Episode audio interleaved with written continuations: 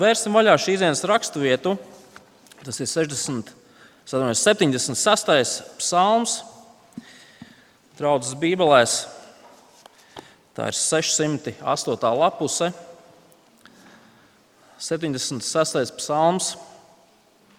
Un lasīsim visu šo psalmu. 608. lapuse.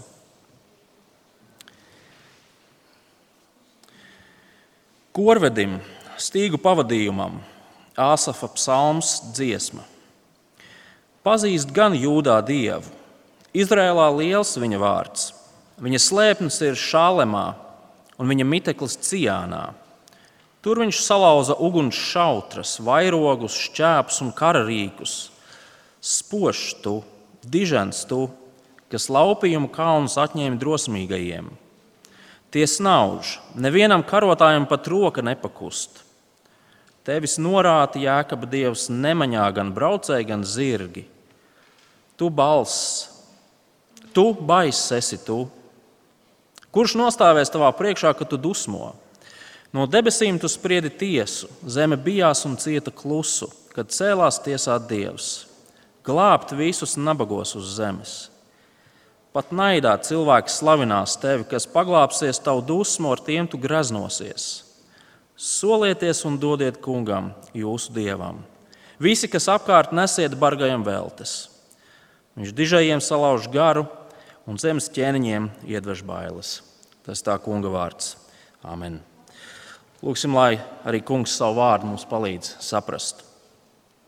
Dabas tās šajā vakarā mēs patiešām gribam pateikties par to, ka tu neesi klusējošs, mēms dievs, bet tu esi runājis, un tavs vārds ir pierakstīts, un cauri gadsimtiem tas ir um, pabarojis um, tev ticīgos, tas ir mainījis cilvēku domas un sirdis.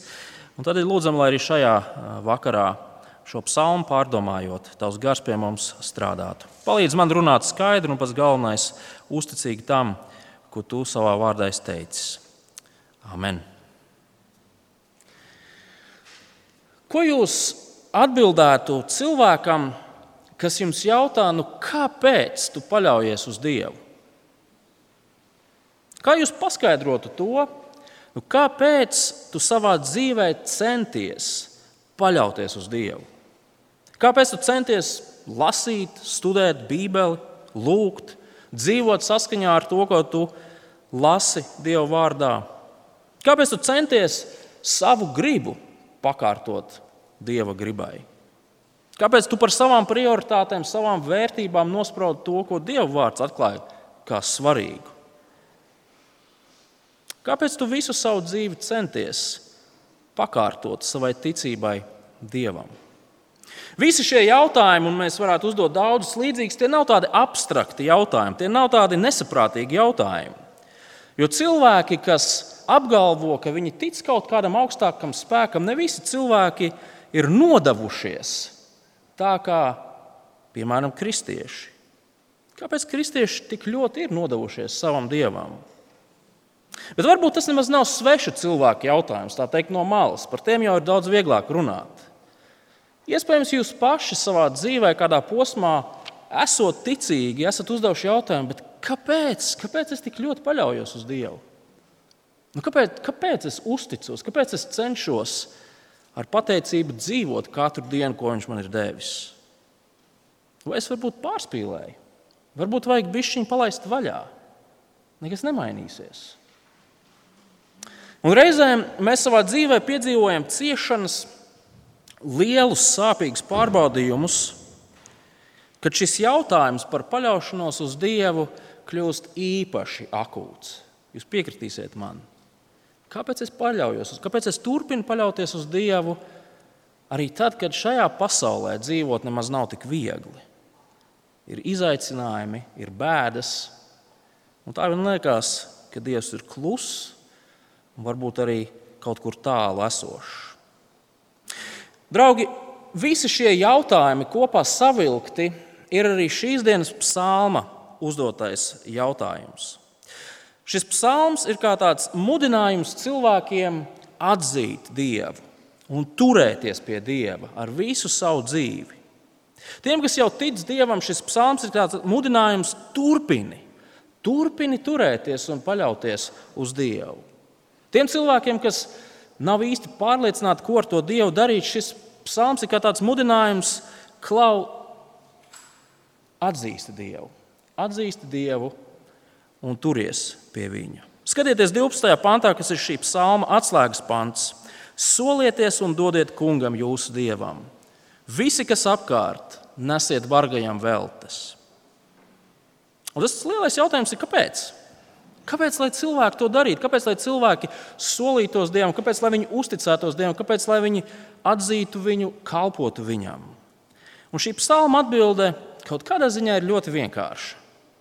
Šī psalma, šis psalms sadalās divās daļās. Pirmā daļa runā par to, ka Dievs ir savu ļaužu glābējs. Viņš glābi cilvēkus. Un psalma otrā daļa runā par to, ka Dievs ir visas pasaules tiesnesis. Viņš tiesā cilvēkus. Šī psalma pirmie lasītāji, un pastarpināt arī mēs, kas sēžam šodien šeit, esam mudināti tvērties pie Dieva tādēļ, ka Viņš ir glābējs un tādēļ, ka Viņš ir tiesnesis. Un, protams, draugi, tad, kad šāds apgalvojums tiek izteikts, ir svarīgi saprast, nu, no, kā tad, no kā tad viņš mūs glābj. Un gal galā, kas tad ir ar šo dieva tiesu? Tad nu, es iesaku, ka mēs varam šodien šīs divas daļas aplūkot nedaudz tuvāk. Un pirmā daļa ir daļa, kurā mēs skaidri redzam, ka Dievs ir varens. Viņš ir varens Dievs, kurš glābi savu tautu.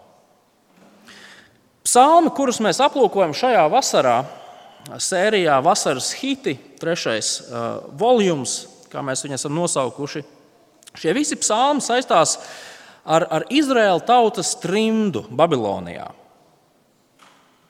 Uh, šie cilvēki, kuri lasa šos psalmus, kuri viņus izmanto savā, savā pielūgsmē, viņi ir redzējuši kara šausmas, viņi ir redzējuši bruņotus karavīrus. Viņi ir redzējuši varas darbus, laupīšanu, nāvi, gūstu, verdzību. Viņu mājas ir nopostītas, viņu tīrumi ir nodedzināti. Viss viņa dzīvē ir izpostīts. Šie ir cilvēki, kas ir pazaudējuši pilnīgi visu. Bet tā vietā, lai, lai kristu tādā bezcerīgā izmisumā vai laistos ciniskā vienaldzībā, viņi ir aicināti dziedāt šo dziesmu, kas ir cerības pilna. Vēlreiz ieklausieties, kā skan šī psalma pirmā daļa no 2 līdz 7 pantām. Pazīst gan jūdā dievu, Izrēlā liels viņa vārds.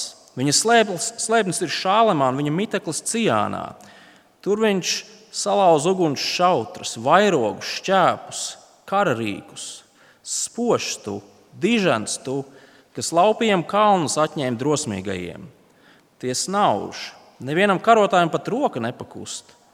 Tevis norāda Jēkab Dievs, nemaņā gan braucēji, gan zirgi. Autors, šī psalma autors atsaucas uz faktu, ka Dievs taču ir pazīstams visā Jūdas zemē, Izraēlas zemē. Viņa vārds, viņa reputācija ir zināma. Kāpēc tā ir zināma?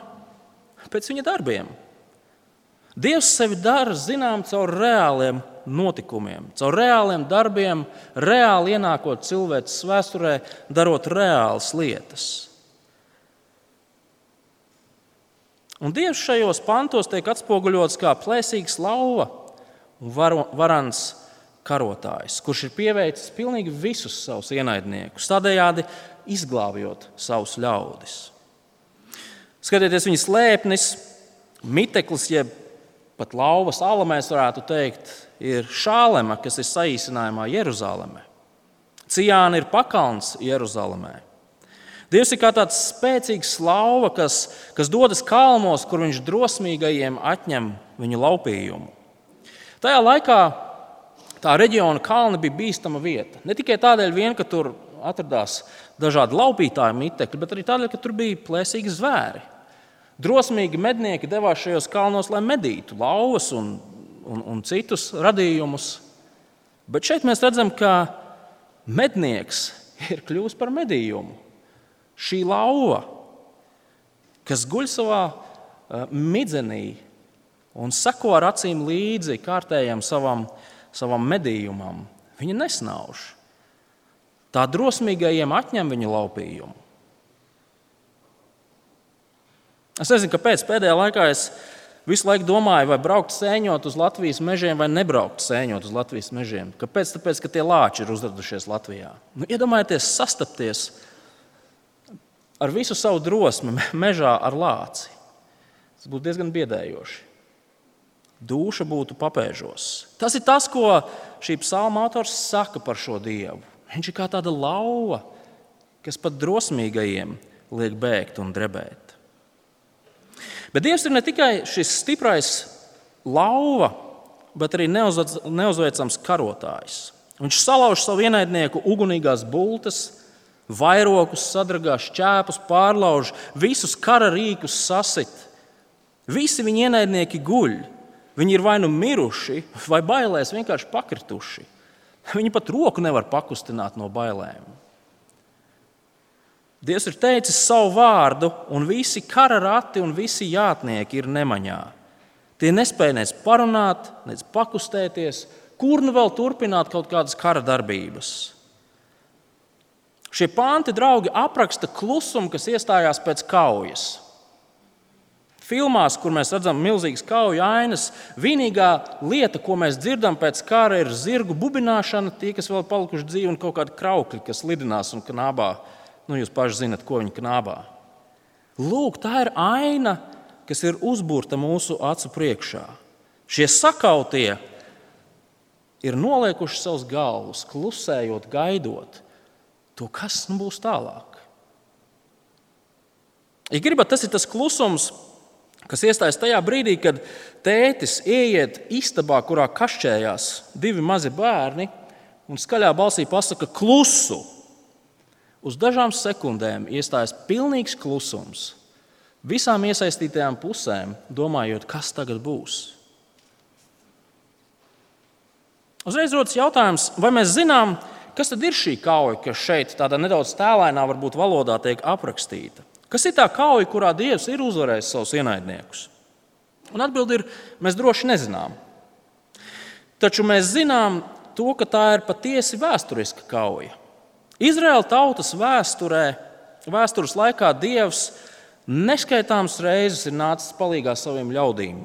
Un brīnumainā veidā sakāvis ienaidniekus, kas ir bijuši daudz spēcīgāki par, par jūdiem, dāvājot glābšanu. Nu, piemēram, ja mēs lasītu Bībeli, tad mēs pavisam noteikti varētu nonākt līdz otrajai mūzes grāmatai, kur ir aprakstīts tas, kā Dievs izglāba Izraēlu tautu no, no Eģiptes verdzības, no varenajiem Eģiptes kara ratiem, jātniekiem, bruņotajiem karavīriem. Mēs varētu lasīt tālāk par to, kā Dievs izglāba Izraēlu tautu tuksnesī, kur arī viņiem bija jāsaskarās ar vienu otru naidīgu un diezgan apnicīgu ienaidnieku. Mēs varam lasīt par to, kā Dievs palīdzēja Izraēlu tautai izcīnīt uzvaras pār tām tautām, kas sacēlās pret viņiem, tad, kad Izraēla tauta iegāja apsolītajā zemē. Dažus gadsimtus pirms notikumiem, kurus mēs lasām šajās Babilonijas trimdas psalmos, Dievs brīnumainā veidā Izraēla tautu izglāba no Asīrijas armijas. Visi šie ir vēsturiski notikumi, kuros Dievs ir demonstrējis savu varenību, glābjot savu tautu. Šis psalms var atsaukties uz jebkuru no tiem.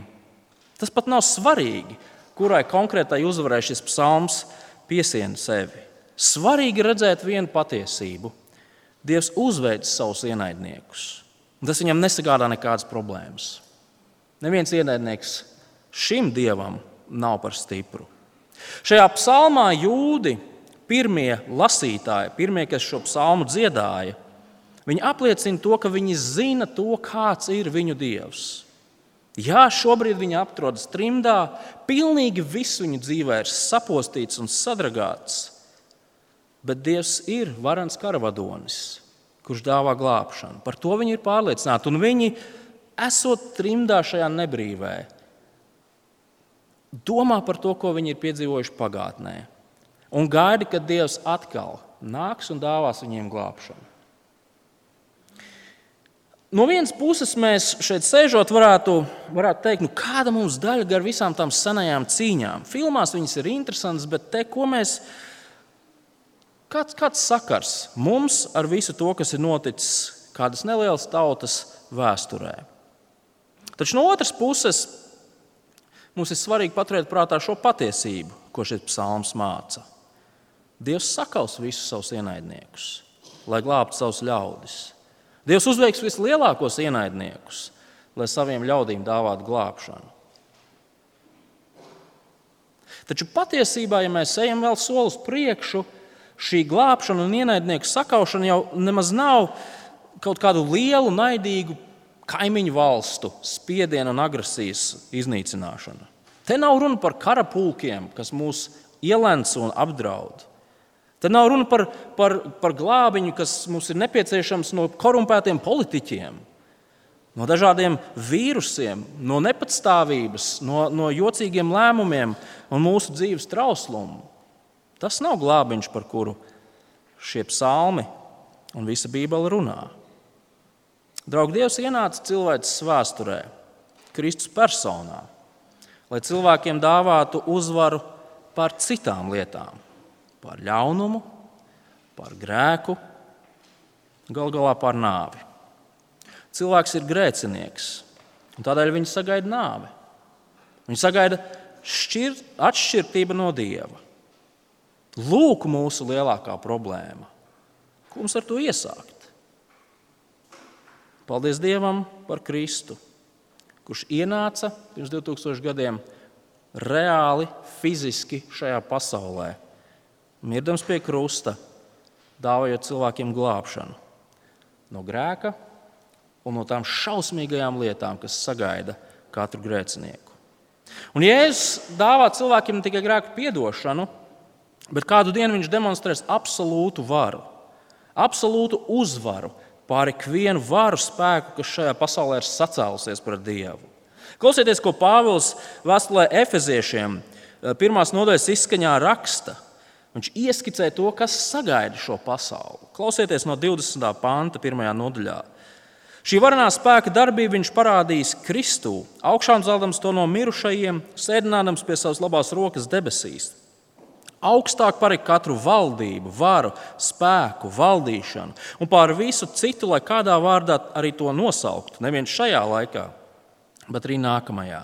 Visu, visu Dievs ir nolicis zem Kristus kājām, bet viņu pašu kā galvu pāri visam ir devis draudzēji.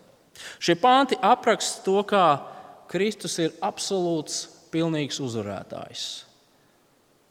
Viņa uzvara vēl nav šeit, mēs to vēl neredzam. Bet gluži kā jūdi, kas šo dziesmu dziedāja, esot trimdā, arī mēs esam aicināti ar pārliecību gaidīt šo absolūto uzvaru. Mēs gaidām to dienu, kad mēs piedzīvosim visu ienaidnieku sakaušanu. Grēka, ļaunuma, nāves, absolūto un pilnīgo uzvarēšanu. Kāpēc mēs paļaujamies uz Dievu? Kāpēc mēs uzticamies? Kāpēc mēs cenšamies ar pateicību dzīvot Viņam? Tāpēc, ka Dievs ir glābējs. Viņš ir atrisinājis mūsu lielākās problēmas. Viņš ir dāvājis grēku piedošanu. Viņš ir dāvājis izlīgumu ar Dievu. Un tagad, lai kas arī mūsu dzīvē nenotiktu, mēs dzīvojam ar drošību par savu nākotni.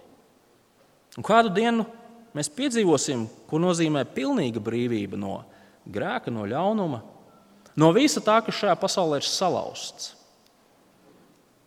Mēs ticam un paļaujamies uz Dievu, jo Viņš mūs izglābj no mūsu lielākajām problēmām.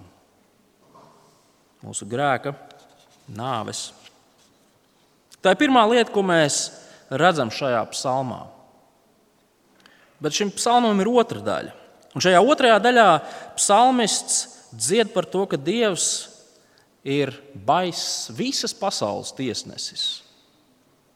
Šajā otrajā daļā mēs no, no Jūdas, no, no Jeruzalemes pilsētas, mēs, no šīs lokālās vietas, mēs paceļamies debesu augstumos. Mēs uzlidojam augšā Un mēs redzam, ka Dievs valda pār visu pasauli. Dievs nav kaut kāda lokāla dievībiņa, kaut kur kalnā, Jeruzalemē. Viņš ir visa kosmosa radītājs un visa kosmosa pārvaldītājs. Skatieties no 8. pānta līdz 13. Tu baiss esi tu. Kurš nostāvēs tavā priekšā, kad tu dusmo? No debesīm tu spriedi tiesu.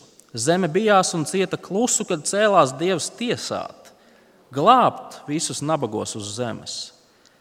Pat naidā cilvēks slavinās tevi, kas paglāpsies tavu dusmu, ar tiem tu graznosies. Solieties un dodiet kungam, jūsu dievam.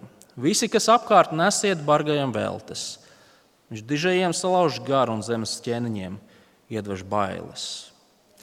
No kaujas lauka, kurā valda klusums, kurā visi sakauties skatās un gaida, ko uzvarētājs teiks, mēs nonākam valdnieka troņa zālē, no kurienes viņš sēž savā tronī un spriež tiesu pār visiem. Vai jūs pamanījāt, kā psalma autors raksturo šo dievu? Veselas četras reizes tiek izteikts, ka Dievs ir tāds, no kura ir jābīstās. Jūs pamanījāt? 8. pantā - baiss esi tu! 9. pantā zeme baidījās. 12. pantā nesiet baisajam, jeb, jeb tam, no kura ir jābīstās veltes. 13. pāns zemes ķēniņiem viņš iedvež bailes. Draugi, tad, kad mēs runājam par Bībeles dievu, Bībeles dievs nav kaut kāda abstrakta filozofiska ideja. Bībeles dievs nav šis latviešu folkloras sirmtētiņš, kurš iet ar spieķīti pāri laukiem un pa klusām, pa klusām cilvēku mājās ienes kaut kādas svētībiņas. Bībeles dievs nav kaut, kāda, kaut kāds tāds, tāds mani, manipulējams un uzpērkams spēks, kuram mēs varam pielabināties ar saviem labajiem darbiem un vēl nezinu ko. Bībeles dievs nav mūsu čoms, viņš nav mūsu sirds draudzene. Viņš nav šis lēnīgais pakalpiņš, kurš pastāv, lai izdabātu mūsu vēlmēm. Nē, draugi, saskaroties ar Bībeles dievu, cilvēku pārņem bailes. Tādas bailes, kas liek pa mūsu muguru ritēt augstiem sviedriem, tādas bailes, kas paralizē, liek nokrist zemē, sarauties čokurā Viņa varenība, ja mēs par to padomājam, ir absolūti biedējoša un baisa. Jūs esat kādreiz piedzīvojuši bailes, kurās jūs nevarat pakustēties. Kaut ko līdzīgu, nu, es nedaudz piepušķoju, mēs piedzīvojam garajās Jāņa brīvdienās. Mēs bijām aizbraukuši uz laukiem, nakšņojām teltī, un pēkšņi mūsu viensētāji un mūsu mazajai teltiņai pāri gāja pērkona negaiss. Viss sākās ar šausminoši skaļu vēju, kas pamatīgi izpurināja mūsu telti. Tad nāca milzīgs lietus, kas mijās ar pērkona dārdiem, spožiem zibens uzplaiksnījumiem. Draugi, teiksim tā, tā nebija tāda mierīga dabas skaņa, pie kuras relaksēti atpūsties. Tas dabas spēks, kas kādas 15, 20 minūtes, varbūt ilgāk, vēlās pāri mūsu niecīgajam miteklim, bija diezgan biedējošs. Un tad mēs varam iztēloties to, kurš ir radījis pērkonu, kurš ir radījis zibeni un visus negaisus, un kurš tos pārvalda. Draugi ar Dievu, Bībeles Dievu nav nekādi joki. Protams, ir cilvēki, kas saka, ka Iespējams, tāds dievs nemaz nav. Nu, ko, mēs, ko mēs te ņemamies? Un uz to gribas teikt, pirmkārt, kā tu zini? Kā tu zini, ka dieva nav? Tev ir jābūt absolūti simtprocentīgi pārliecinātam, ka tev ir visi vajadzīgie pierādījumi, kas apgāž dieva eksistenci. Lai tu varētu tā drosmīgi teikt, dieva nav, tāpēc man no viņa nav jābaidās. Un otrkārt,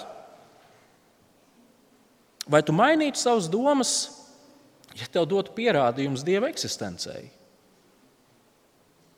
Vai tu mainītu savas domas, ja tev kāds pierādītu vai dotu reāls pierādījums tam, ka Dievs ir reāls? Dievs ir. Viņa priekšā ir jāatskaitās.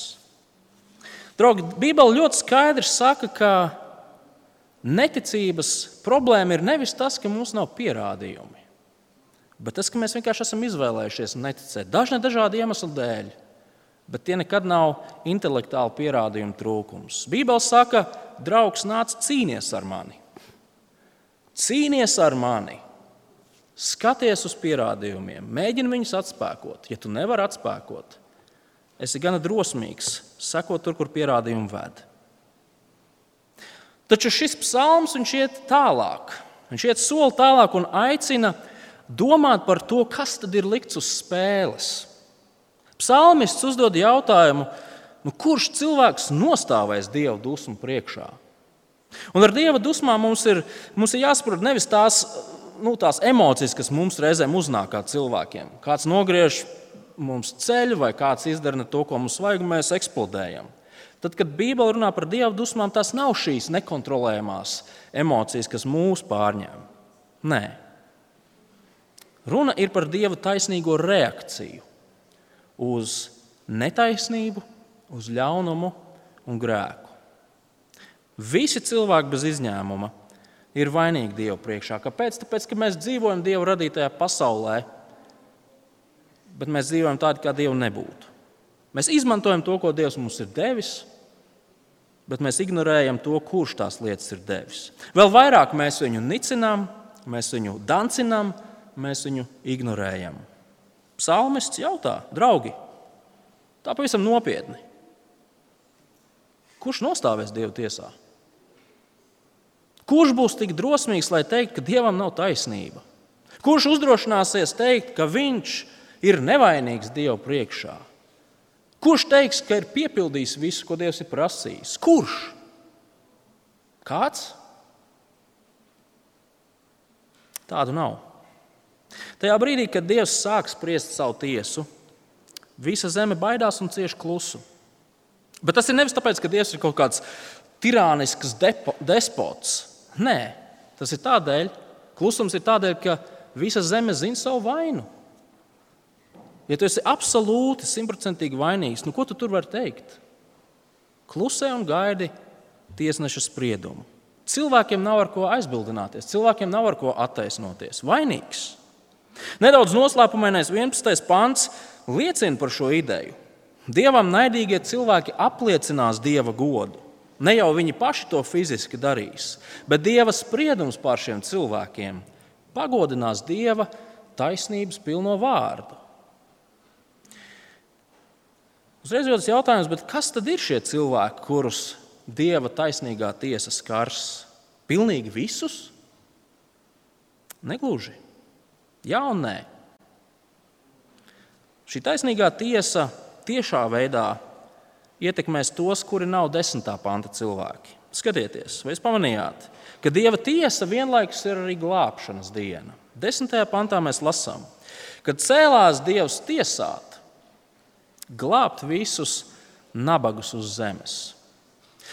Nabagi šeit nav jāsaprot burtiski cilvēki, kuriem nav iztikas līdzekļi. Šis vārds var nozīmēt arī pazemīgie. Tas ir pretstats lepnajiem, lielīgajiem, iedomīgajiem, tiem, kas saka un uzskata, ka viņiem Dievs nav vajadzīgs, kurš saka, gan jau beigās viss būs labi. Es visas lietas pats savadīšu kārtībā, un, ja nevarēšu, tad jau gan jau kaut kā izkūšos.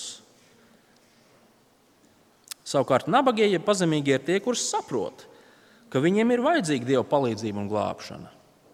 Viņi ir tie, kas spēj atzīt savu nespēku, nespēju. Viņi ir tie, kas gaida uz glābšanu, kas gaida uz to, lai beidzot šajā pasaulē iestājas taisnība. Dieva tiesas diena būs šo cilvēku pilnīgās glābšanas diena. Un tieši tāpēc šie cilvēki paļaujas uz Dievu.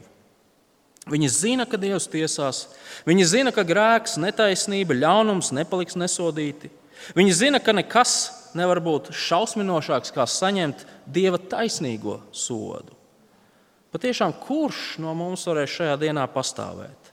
Kurš mūs izglābs no šī mums visiem tik taisnīgi pelnītā soda? Dieva žēlastība izglābs. Kristus mums dāvā ne tikai grēku piedošanu, bet izglābi mūs no Dieva taisnīgajām dusmām. Manuprāt, Pāvils to ir izteicis lieliski savā vēstulē romiešiem, 5. nodaļā, 8. un 9. pāns. Klausieties! Bet Dievs savu mīlestību uz mums parāda ar to, ka Kristus par mums nomiris, kad mēs vēl bijām grēcinieki. Jo vairāk tagad, kad esam attaisnoti viņa asinīs, mēs tiksim caur viņu izglābti no dusmām. Lūk, kristīgās ticības kopsavilkums.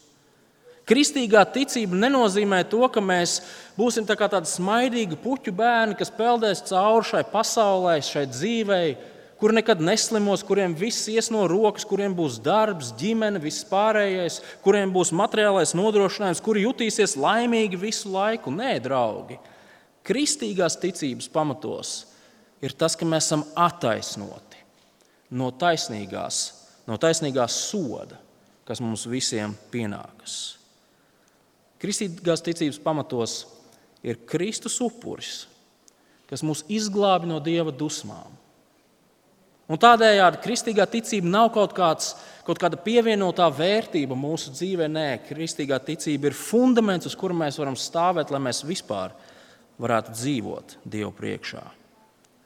Dievs ir glābējs, Dievs ir tiesnesis.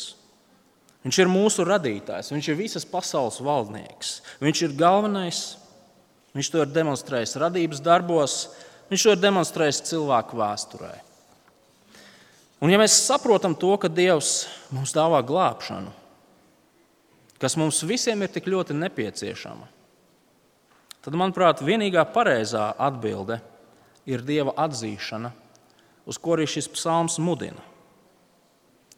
Vēlreiz 12. pāns. Solieties un dodiet kungam jūsu dievam. Visi, kas apkārt, nesiet bargajiem veltes. Tas ir mudinājums atzīt Dievu kā Dievu, kā valdnieku, kā to, kurš ir galvenais. Šis 12. Eh, pāns sastāv no divām daļām. Pirmajā daļā tiek uzrunāti dieva ļaudis, jūdi, visi tie, kas dievam jau tic. Jūsu dievs ir glābējs. Viņš to ir nodemonstrējis vēsturē.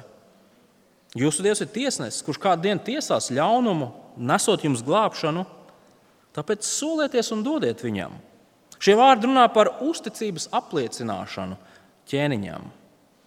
Mēs esam gatavi būt lojāli, tāpēc ka mēs zinām, ka Dievs mūs glābi un Dievs mūs tiesā.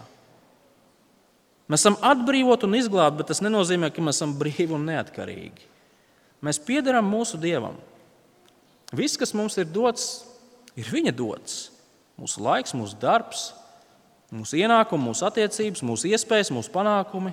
Nekas no tā nav mūsu pašu nopelns. Jā, mēs esam to darījuši, bet tas viss ir noticis ar Dieva labestību. Nekas no tā nepieder mums. Tas ir labs Dieva dāvans, ko Viņš mums ir devis. Un paldies Dievam par to, priecāsimies par to. Bet tas nozīmē, ka mums pret visām šīm labajām Dieva dāvanām ir jātiec ar pareizo attieksmi, ko raksturo pateicība un gatavība ar visu, kas mums ir dots, kalpot kungam. Mēs jautājam, kāpēc mēs paļaujamies uz Dievu kā kristieši? Bet kā lai nepaļaujas, ja mūsu dzīve pieder viņam? Mēs to darām, jo esam pateicīgi. Dievu izglābti, Dievu mīlēti. Mēs to darām, jo esam droši par savu nākotni. Mēs neko nevaram pazaudēt. Mēs esam ieguvēji.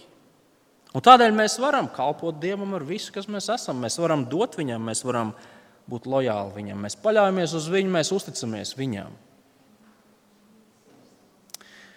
Taču 12. pānta otrā daļa uzrunā tos, kas nav dieva ļaudis, kas vēl nav atzinuši dievu. Autors saka, visi, kas apkārt, nesiet bargajiem veltes šim, no kura visiem ir jābīstās. Nesiet viņam veltes. Veltes šajā gadījumā ir tas tehniskais vārds, kas apzīmē nodevas, kuras, kuras uh, cilvēki nes varenam valdniekam. Tas ir tas, par ko šeit ir runa. Ieroču vietā cilvēki ir aicināti nākt ar savām veltēm, ar savām dāvanām un upuriem. Šis žests nozīmē to, ka mēs atzīstam, ka viņš ir galvenais, ka viņš ir lielais valdnieks. Un, draugi, šis, šis pāns, šī nelielā frāze, norāda uz Dieva žēlastību, kas ir pieejama visiem pasaules iedzīvotājiem. Tverieties pie tās! Psalma autors nevēlas runāt tikai priecīgas un iedvesmojošas lietas uz Dieva ļaudīm. Viņš grib dot cerību visiem cilvēkiem, arī tie, kas iespējams ir Dieva ienaidnieki. Tie, kas šeit ir nākuši, vicinādami savus dūrītes, savus zobens pret Dievu. Autors saka, ir žēlastības laiks. Atzīstiet, ka Viņš ir galvenais. Dievs pacietīgi gaida, kad cilvēki atzīs viņu, uzticēsies viņam. Mēs visi esam aicināti atzīt Dievu kā glābēju un tiesnesi. Jo mums visiem ir nepieciešama glābšana, grēku piedošana.